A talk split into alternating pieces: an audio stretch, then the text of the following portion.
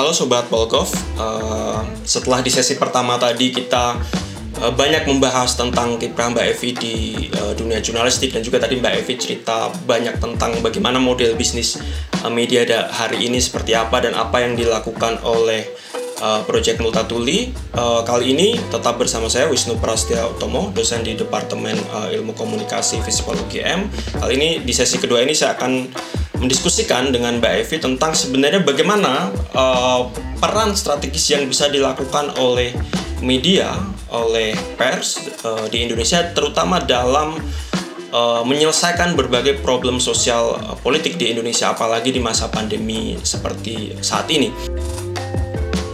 Ya, uh, di masa pandemi seperti hari ini kita melihat ada berbagai problem yang muncul ya, baik uh, krisis uh, ekonomi, krisis sosial, krisis politik dan terutama krisis kesehatan. Nah, banyak uh, faktor yang kemudian menyebabkan krisis itu terjadi. Nah, kita melihat uh, sebenarnya media bisa mengambil peran penting bagaimana kemudian menjadi bagian yang bisa membantu untuk menyelesaikan berbagai krisis yang muncul tadi di Indonesia, khususnya lagi-lagi di masa pandemi gitu. Nah, uh, saya akan uh, menanyakan hal ini ke Mbak Evi gitu khususnya terkait dengan sebenarnya bagaimana sih Mbak uh, peran yang bisa diambil oleh media-media di Indonesia dalam menghadapi situasi krisis seperti saat ini peran apa kira-kira yang uh, bisa dilakukan dan apa yang bisa dikerjakan oleh uh, jurnalis untuk membantu uh, menyelesaikan berbagai problem yang ada tadi uh, Mbak Evi.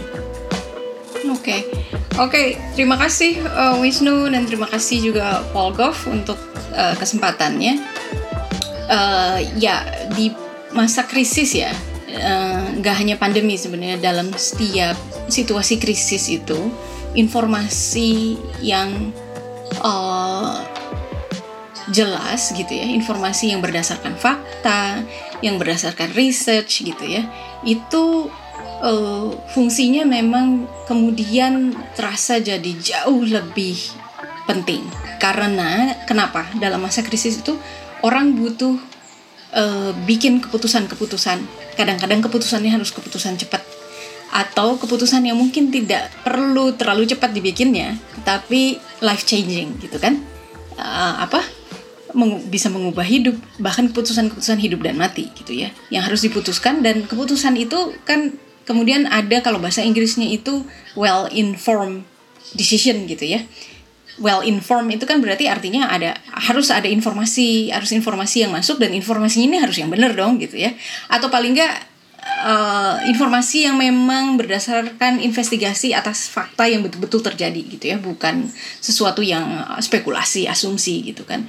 Nah, ini berbahaya banget kan kalau misalnya keputusan-keputusannya itu didasarkan pada informasi-informasi yang uh, sumbernya itu hoax, misinformasi, disinformasi termasuk propaganda yang uh, disebar oleh penguasa gitu ya.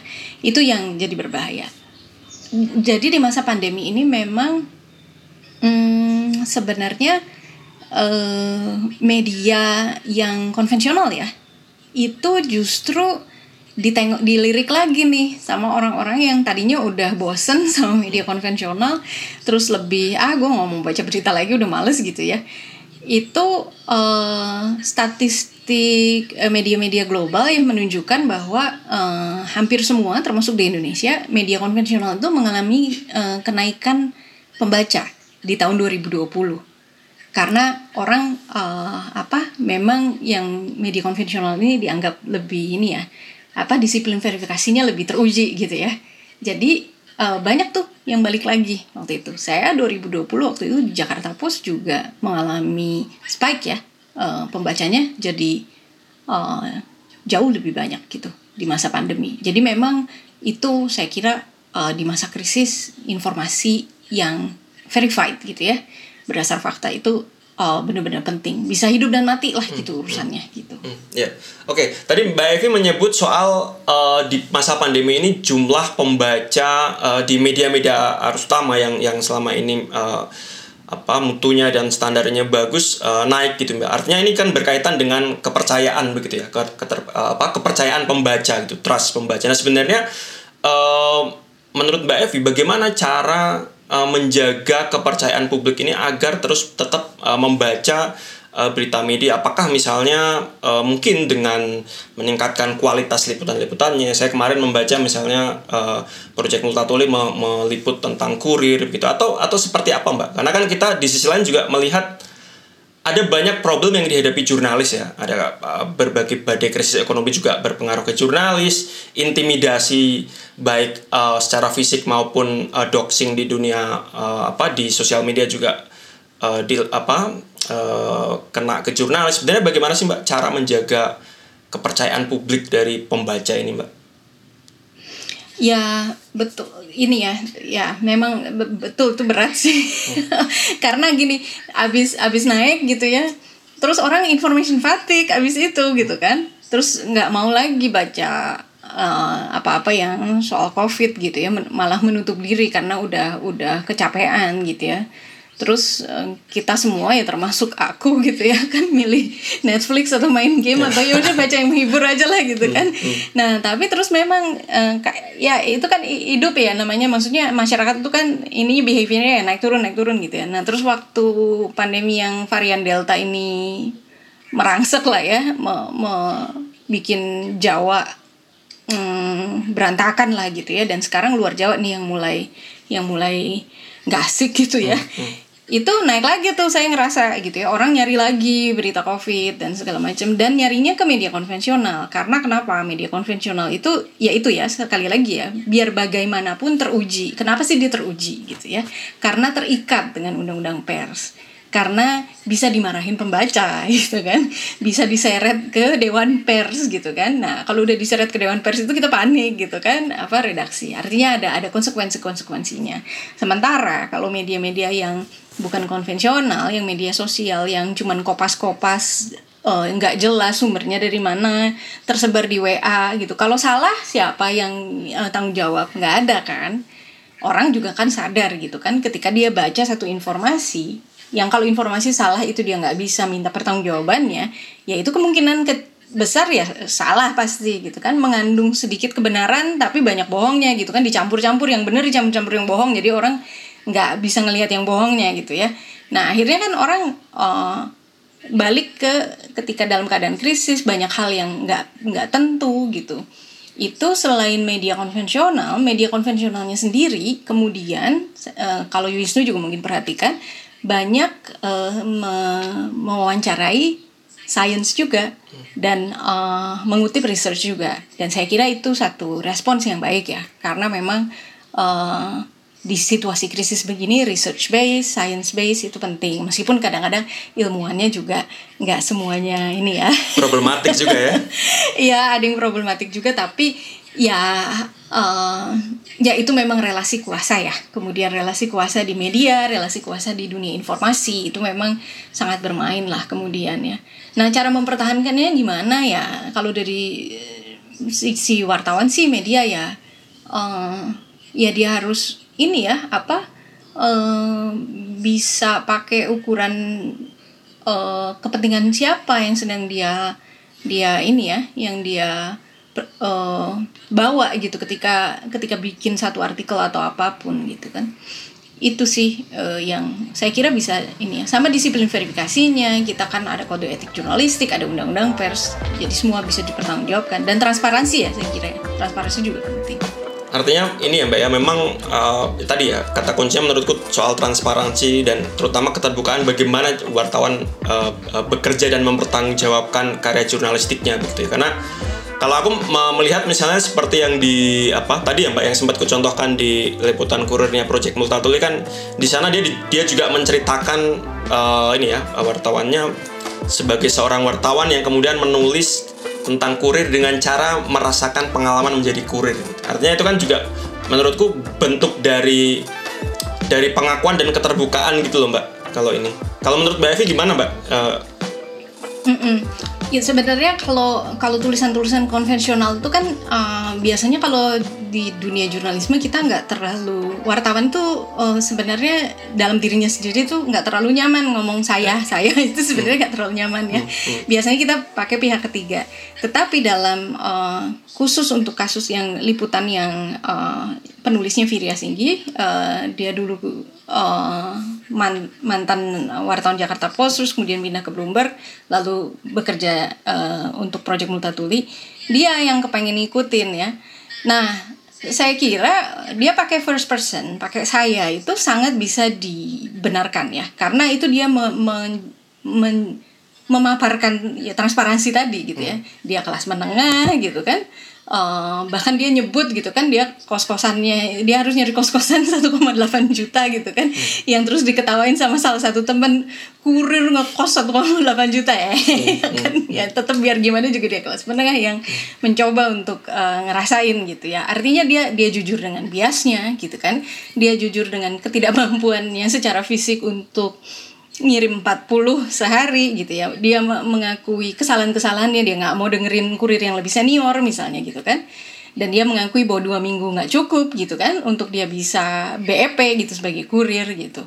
Artinya orang bisa ngelihat semua bahwa apa uh, ya ada banyak disclaimer yang dia iniin tapi kemudian dari situ orang uh, bisa dengan sangat jelas misalnya ngebayangin oh gitu ya ngirim barang di SCBD ya ampun gitu ya kayak gitu ya gitu. Yang selama ini nggak terbayangkan ya oleh kita gitu. Ya, ya itu salah satunya uh, transparansi ya yang uh, penting. Dan aku kira ini juga ya sebenarnya uh, salah satunya selain ketidakpercayaan itu kan orang yang aku sebut tadi fatik gitu loh. Mm. uh, uh, fatik itu kan karena uh, semua kayak uh, rame-rame ada satu yang menarik terus semua rame-rame gitu ya. Eh, media kan kadang-kadang gitu ya. Rame-rame ngeliput itu oh ini lagi rame ini kamu juga harus liputan itu gitu kan. Kemudian demi algoritma lah hmm. gitu kan. Nah uh, karena Project Multatuli itu pengennya kita justru ngelihat yang kosong gitu ya. Ngelihat yang belum yang belum banyak diliput. Salah satu artikel pandemi yang terus kemudian juga uh, responsnya cukup baik ya uh, masuk ke kami. Itu uh, judulnya kami sesak napas. Jadi bagaimana warga kampung kota yang miskin itu terjepit uh, ppkm jadi uh, di satu sisi nggak ada bantuan buat dia cari makan dia untuk cari makan dia harus melanggar prokes selama ppkm gitu ya. Ketika dia melanggar prokes karena mau cari makan karena nggak dikasih makan itu ditangkap gitu kan Uh, dan dia di rumah di perkampungannya yang padat itu penyebarannya cepat sekali nggak ada tracing tes juga terbatas banget gitu kan. Mereka nggak bisa dapat tes gratis obat-obat nggak bisa dapat oksigen mereka nggak bisa dapat mereka cari rumah sakit ke mana-mana penuh gitu kan. Jadi uh, itu yang kami lihat belum banyak waktu itu. Jadi waktu orang uh, di di Jawa ya merasakan di masjid ada pengumuman sehari tiga kali orang meninggal dan segala macam di WhatsApp grup kita dengar di Facebook di Twitter itu kan bias kelas menengah banget sebenarnya. Kita nggak tahu apa yang terjadi di uh, di luar lingkaran-lingkaran WhatsApp grup kita itu gitu kan. Nah waktu itu kami uh, dapat informasi dari satu teman gitu yang rapat dengan jaringan rakyat miskin kota. Vi, ini udah kelepak-kelepak teman-teman gitu di rakyat miskin kota. Udah oksigen nggak ada, obat nggak ada, duit nggak ada gitu kan.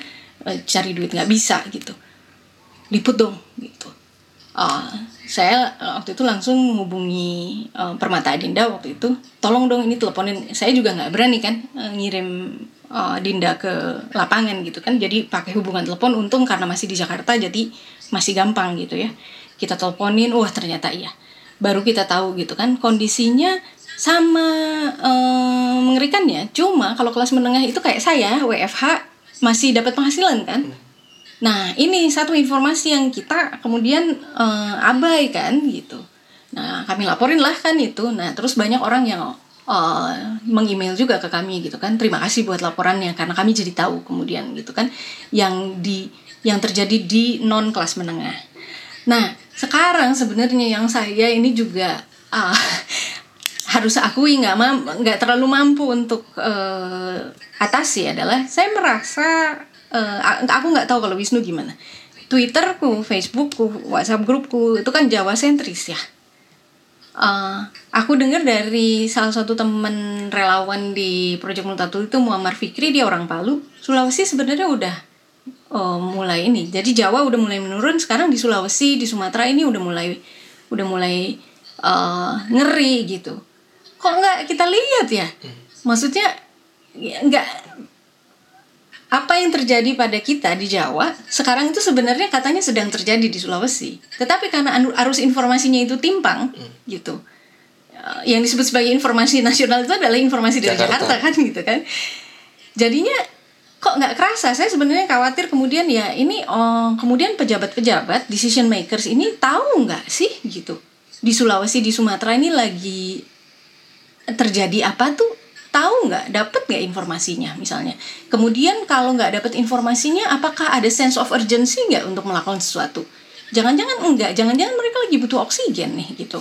Dan harusnya dikirimin gitu. Tapi nggak ada yang merasa perlu ngirimin karena kita nggak tahu gitu kan yang terjadi di sana apa ah itu makanya apa informasi tuh saya kira di di krisis kayak gini di pandemi kayak gini selain verifikasi selain harus research based selain harus science based kita juga harus jeli ngelihat uh, ketimbangan-ketimbangannya sih sebenarnya gitu. Karena ketidakadilan informasi akan membuat ketidakadilan kebijakan gitu. Hmm, hmm. Kalau aku lihat sama sih mbak. Kalau aku melihat artinya memang uh, apa ya soal ketimpangan informasi, digital divide, akses terhadap informasi itu berpengaruh terhadap bagaimana kita me, ini ya me, merasakan sense of urgency di, di pandemi gitu. Misalnya kayak mungkin satu bulan yang lalu uh, di kuku kira mungkin di timelinenya mbak Evi juga baik di grup-grup WhatsApp hampir setiap hari itu minimal ada 2 sampai tiga yang butuh donor darah dan segalanya dan semacamnya gitu. Dan aku kira uh, saat ini juga terjadi di, yang di luar Jawa mungkin tapi karena mungkin lingkaran uh, pertemanan dan juga informasi yang asimetris tadi membuat kita nggak tahu gitu uh, apa namanya apa yang sebenarnya ter sedang terjadi di sana. Nah tapi kalau boleh ku ini mbak ku ku apa uh, ku parafrase gitu ya artinya uh, dengan uh, media atau jurnalis meliput berbagai problem uh, krisis tadi itu sebenarnya menjadi salah satu bagian dari upaya untuk menyelesaikan masalah itu sendiri ya mbak ya? Uh, ya apa? Hmm, sebagai wartawan itu meskipun itu ya tulisanmu di Project Multatuli kan netralitas semua itu kan yang ngaku-ngaku netralitas ya wartawan sering merasa dirinya tuh oh kita profesional kita cuma pengamat gitu ya berjarak dari jauh gitu kan merekam apa yang terjadi gitu ya dan nggak mau terlibat gitu ya um, itu mungkin banyak teman-teman wartawan kayak gitu. Terus ketika wartawan melakukan ingin melakukan sesuatu yang lebih, jadi saya ingin nulis supaya ada perubahan gitu ya, ke arah yang lebih baik itu. Sering dikata-katain nggak netral lu hmm. gitu kan, bukan wartawan kamu, kamu aktivis, kamu SJW gitu kan, hmm. bukan wartawan. Uh, aku kira gini, Kenapa sih kalau wartawan ingin tulisannya berdampak itu kok jadi salah? Ya iyalah, buat apa nulis kalau nggak ada ini, nggak ada perubahan gitu kan? Ya nggak usah lah nulis ngapain gitu kan? Uh, ya wajar lah gitu kan? Uh, bedanya apa sama katakanlah gitu ya aktivis yang uh, mengorganisir gerakan atau apa? Beda bedanya apa gitu? Ya kami ada disiplin verifikasi gitu kan meskipun misalnya kami berpihak ya kami transparan gitu kan. Misalnya biasnya ini uh, tapi kami juga uh, harus verifikasi. Nggak bisa cuma ngeklaim atau provokasi tanpa dasar. Ya bedanya itu aja sih sebenarnya gitu kan. Masa wartawan mau uh, saya sebagai wartawan perempuan gitu ya? Atau nggak hanya wartawan perempuan wartawan perempuan atau laki-laki kepingin menghapuskan kekerasan seksual dari muka bumi terus di, dikatain bukan wartawan kan? Ya nggak fair ya. Hmm. Artinya berarti ini ya Mbak ya, kalau tadi di sesi satu kita uh, diskusi tentang ada ukuran yang harus diubah terutama dalam konteks model bisnis dan juga cara mengukur kualitas jurnalistik yang sekarang berarti mestinya ada juga perubahan dari sisi perspektif ya mbak ya. Baik di di di media atau jurnalis cara memahami uh, soal netralitas soal keberpihakan kepada publik dan bagaimana wartawan mestinya uh, apa meyakini bahwa mestinya tulisan-tulisannya itu mesti bisa berdampak begitu ya mbak ya? Kalau boleh kusimpulkan gitu ya. Iya aku sih kepingin ini ya kepingin bikin bukan bikin lah sebenarnya ukurannya udah ada dari dulu ya. Nggak nggak nggak nggak bikin baru juga aku nggak lah gitu ya. cuma lebih menegaskan mungkin ya lebih menegaskan bahwa oke okay, ukuran seorang wartawan profesional tuh apa sih gitu ya? Aku secara pribadi itu kerap banget dituduh uh, apa dituduh um, less than a journalist gitu ya nggak kredibel karena uh, keberpihakanku tuh uh, dianggap eh, keberpihakanku jelas tapi di, dianggap ngeganggu uh, inilah apa kepentingan dominan lah gitu ya. Hmm, hmm. Jadi ukuran-ukuran sebenarnya gini. Aku juga bisa balikin sama orang-orang yang yang sering nuduh wartawan tuh aktivis ya. Biasanya wartawan yang sering dituduh aktivis tuh wartawan yang nulis tentang kekerasan seksual terus pakai perspektif pro korban. Hmm Nah itu sama cowok-cowok hmm. biasanya dituduh ini wartawannya nggak imbang gitu kan hmm. harusnya pelakunya juga diwawancarain gitu kan dan dikasih porsi yang sama dengan uh, korban gitu ya. Uh, itu uh, sesuatu yang kamu juga sudah menuliskannya dengan dengan baik dan saya waktu aku waktu baca tulisan itu juga iya bener nih gitu kan. Aku juga apa ya kadang-kadang kan perlu dikuatkan juga ya jurnalis ya. Kalau keseringan dituduh-tuduh hmm. aktivis SJW kan kadang-kadang tetap ini juga ya. Nggak nyaman juga ya mbak ya lamanya iya nggak nyaman lah pasti ya tetap kemudian second guessing myself juga gitu kan. Uh, tapi memang saya itu uh, balik lagi ke ini ya ke uh, kitoh dari jurnalisme itu salah satu buku yang saya pegang itu kan uh, apa uh, buku yang ditulis Rosenstiel sama Bill Kovac gitu ya tentang apa itu jurnalisme. Your first allegiance is to the public gitu kan? Uh, terus kesetiaan kamu itu ya ke publik bukan ke uh, presiden bukan bahkan tidak ke paus sekalipun gitu kan? Hmm, jadi bukan ke individu tapi ke values kan harusnya gitu.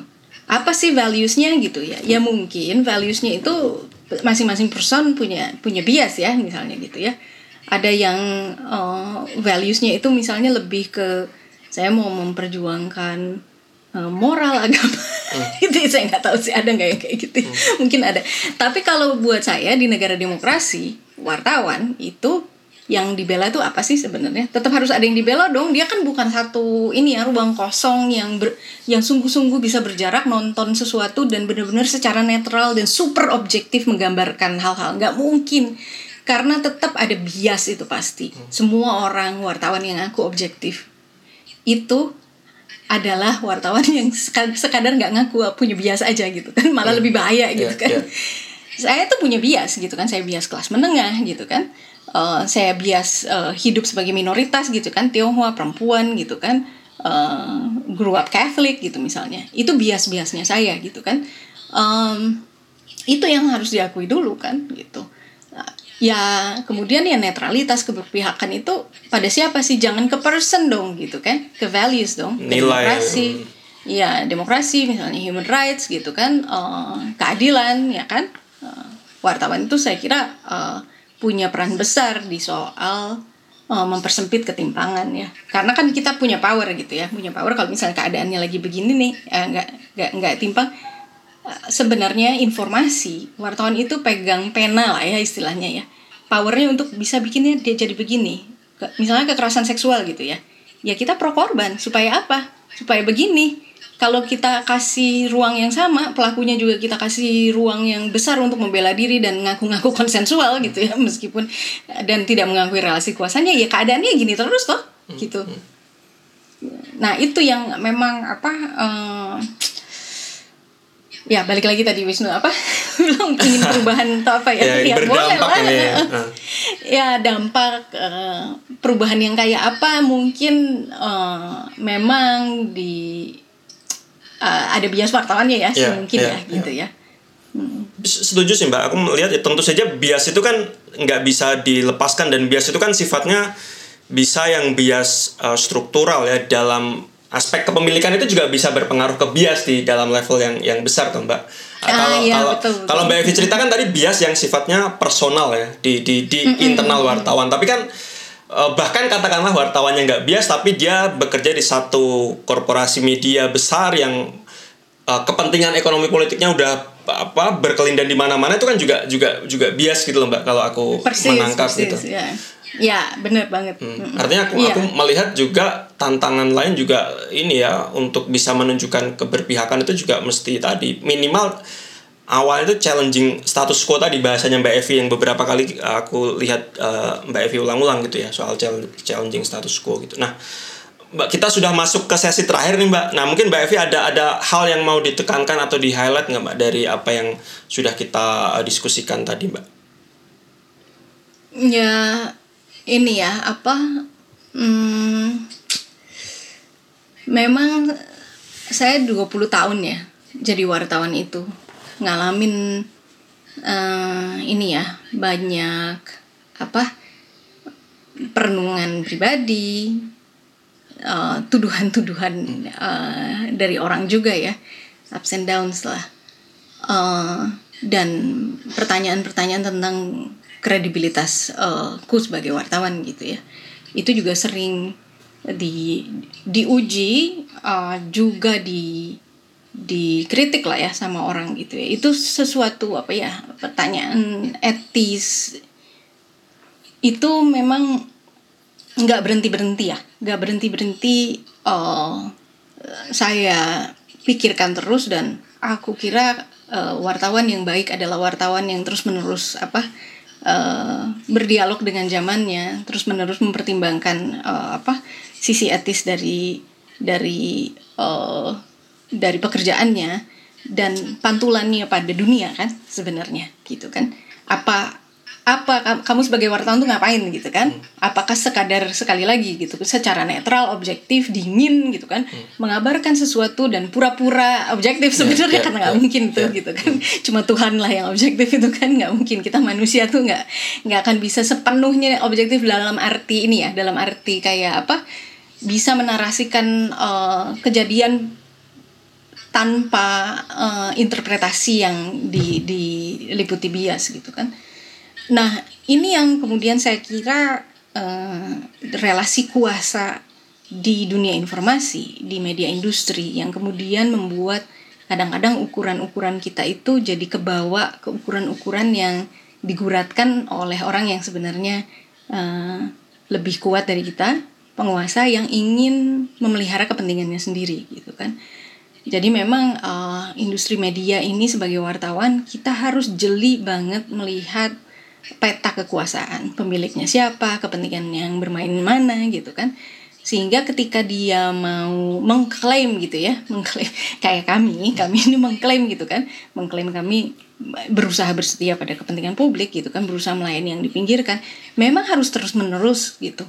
Nanya itu dan berdialog gitu dengan dengan lebih banyak orang. Jadi hmm, satu hal yang penting yang saya hmm, dapatkan dari eksperimen Project Multatuli selama ini adalah uh, betapa pentingnya sangat terbuka gitu ya, sangat apa uh, dan ini nggak mudah gitu ya, nggak mudah uh, ber, bersedia di, di dicaci maki orang gitu ya, diludahin orang, nanya gitu ya ke pembaca gitu.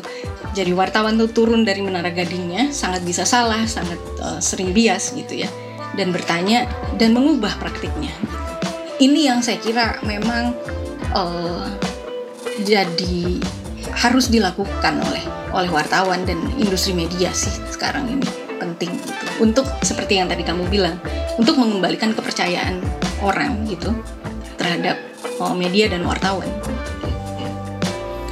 Oke, Mbak Evi terima kasih banyak atas sharing dan apa perspektif yang uh, aku kira menarik dan uh, apa namanya bisa ini ya memicu dialog dan uh, diskusi lebih jauh gitu untuk men, apa untuk membicarakan tentang tadi yang Mbak Evi sampaikan soal bagaimana uh, standar keberpihakan, soal netralitas semu dan soal-soal bahwa ya wartawan itu uh, tidak mungkin objektif 100% begitu. Selalu ada bias-bias yang yang yang berpengaruh dan membuat uh, karya jurnalistik itu tidak mungkin bisa bersikap dingin tanpa ada uh, pengaruh dari berbagai bias yang ada tadi. Sekali lagi terima kasih Mbak Evi, semoga uh, inisiatif uh, dengan teman-teman di Project Multatuli bisa berjalan dan uh, sustain cukup uh, apa lama gitu sehingga kita juga bisa sebagai publik bisa terus me, apa, mendapatkan informasi yang berkualitas yang bermutu gitu. Nah, uh, terima kasih juga kepada sobat Bolgov yang sudah mengikuti diskusi uh, saya dan Mbak Evi Mariani dari awal sampai akhir. Uh, jangan lupa teman-teman untuk terus mengikuti Polgov Talks di akun media sosial Departemen Politik dan Pemerintahan Visipol UGM di @dppugm. Uh, terima kasih, sampai jumpa di episode-episode selanjutnya.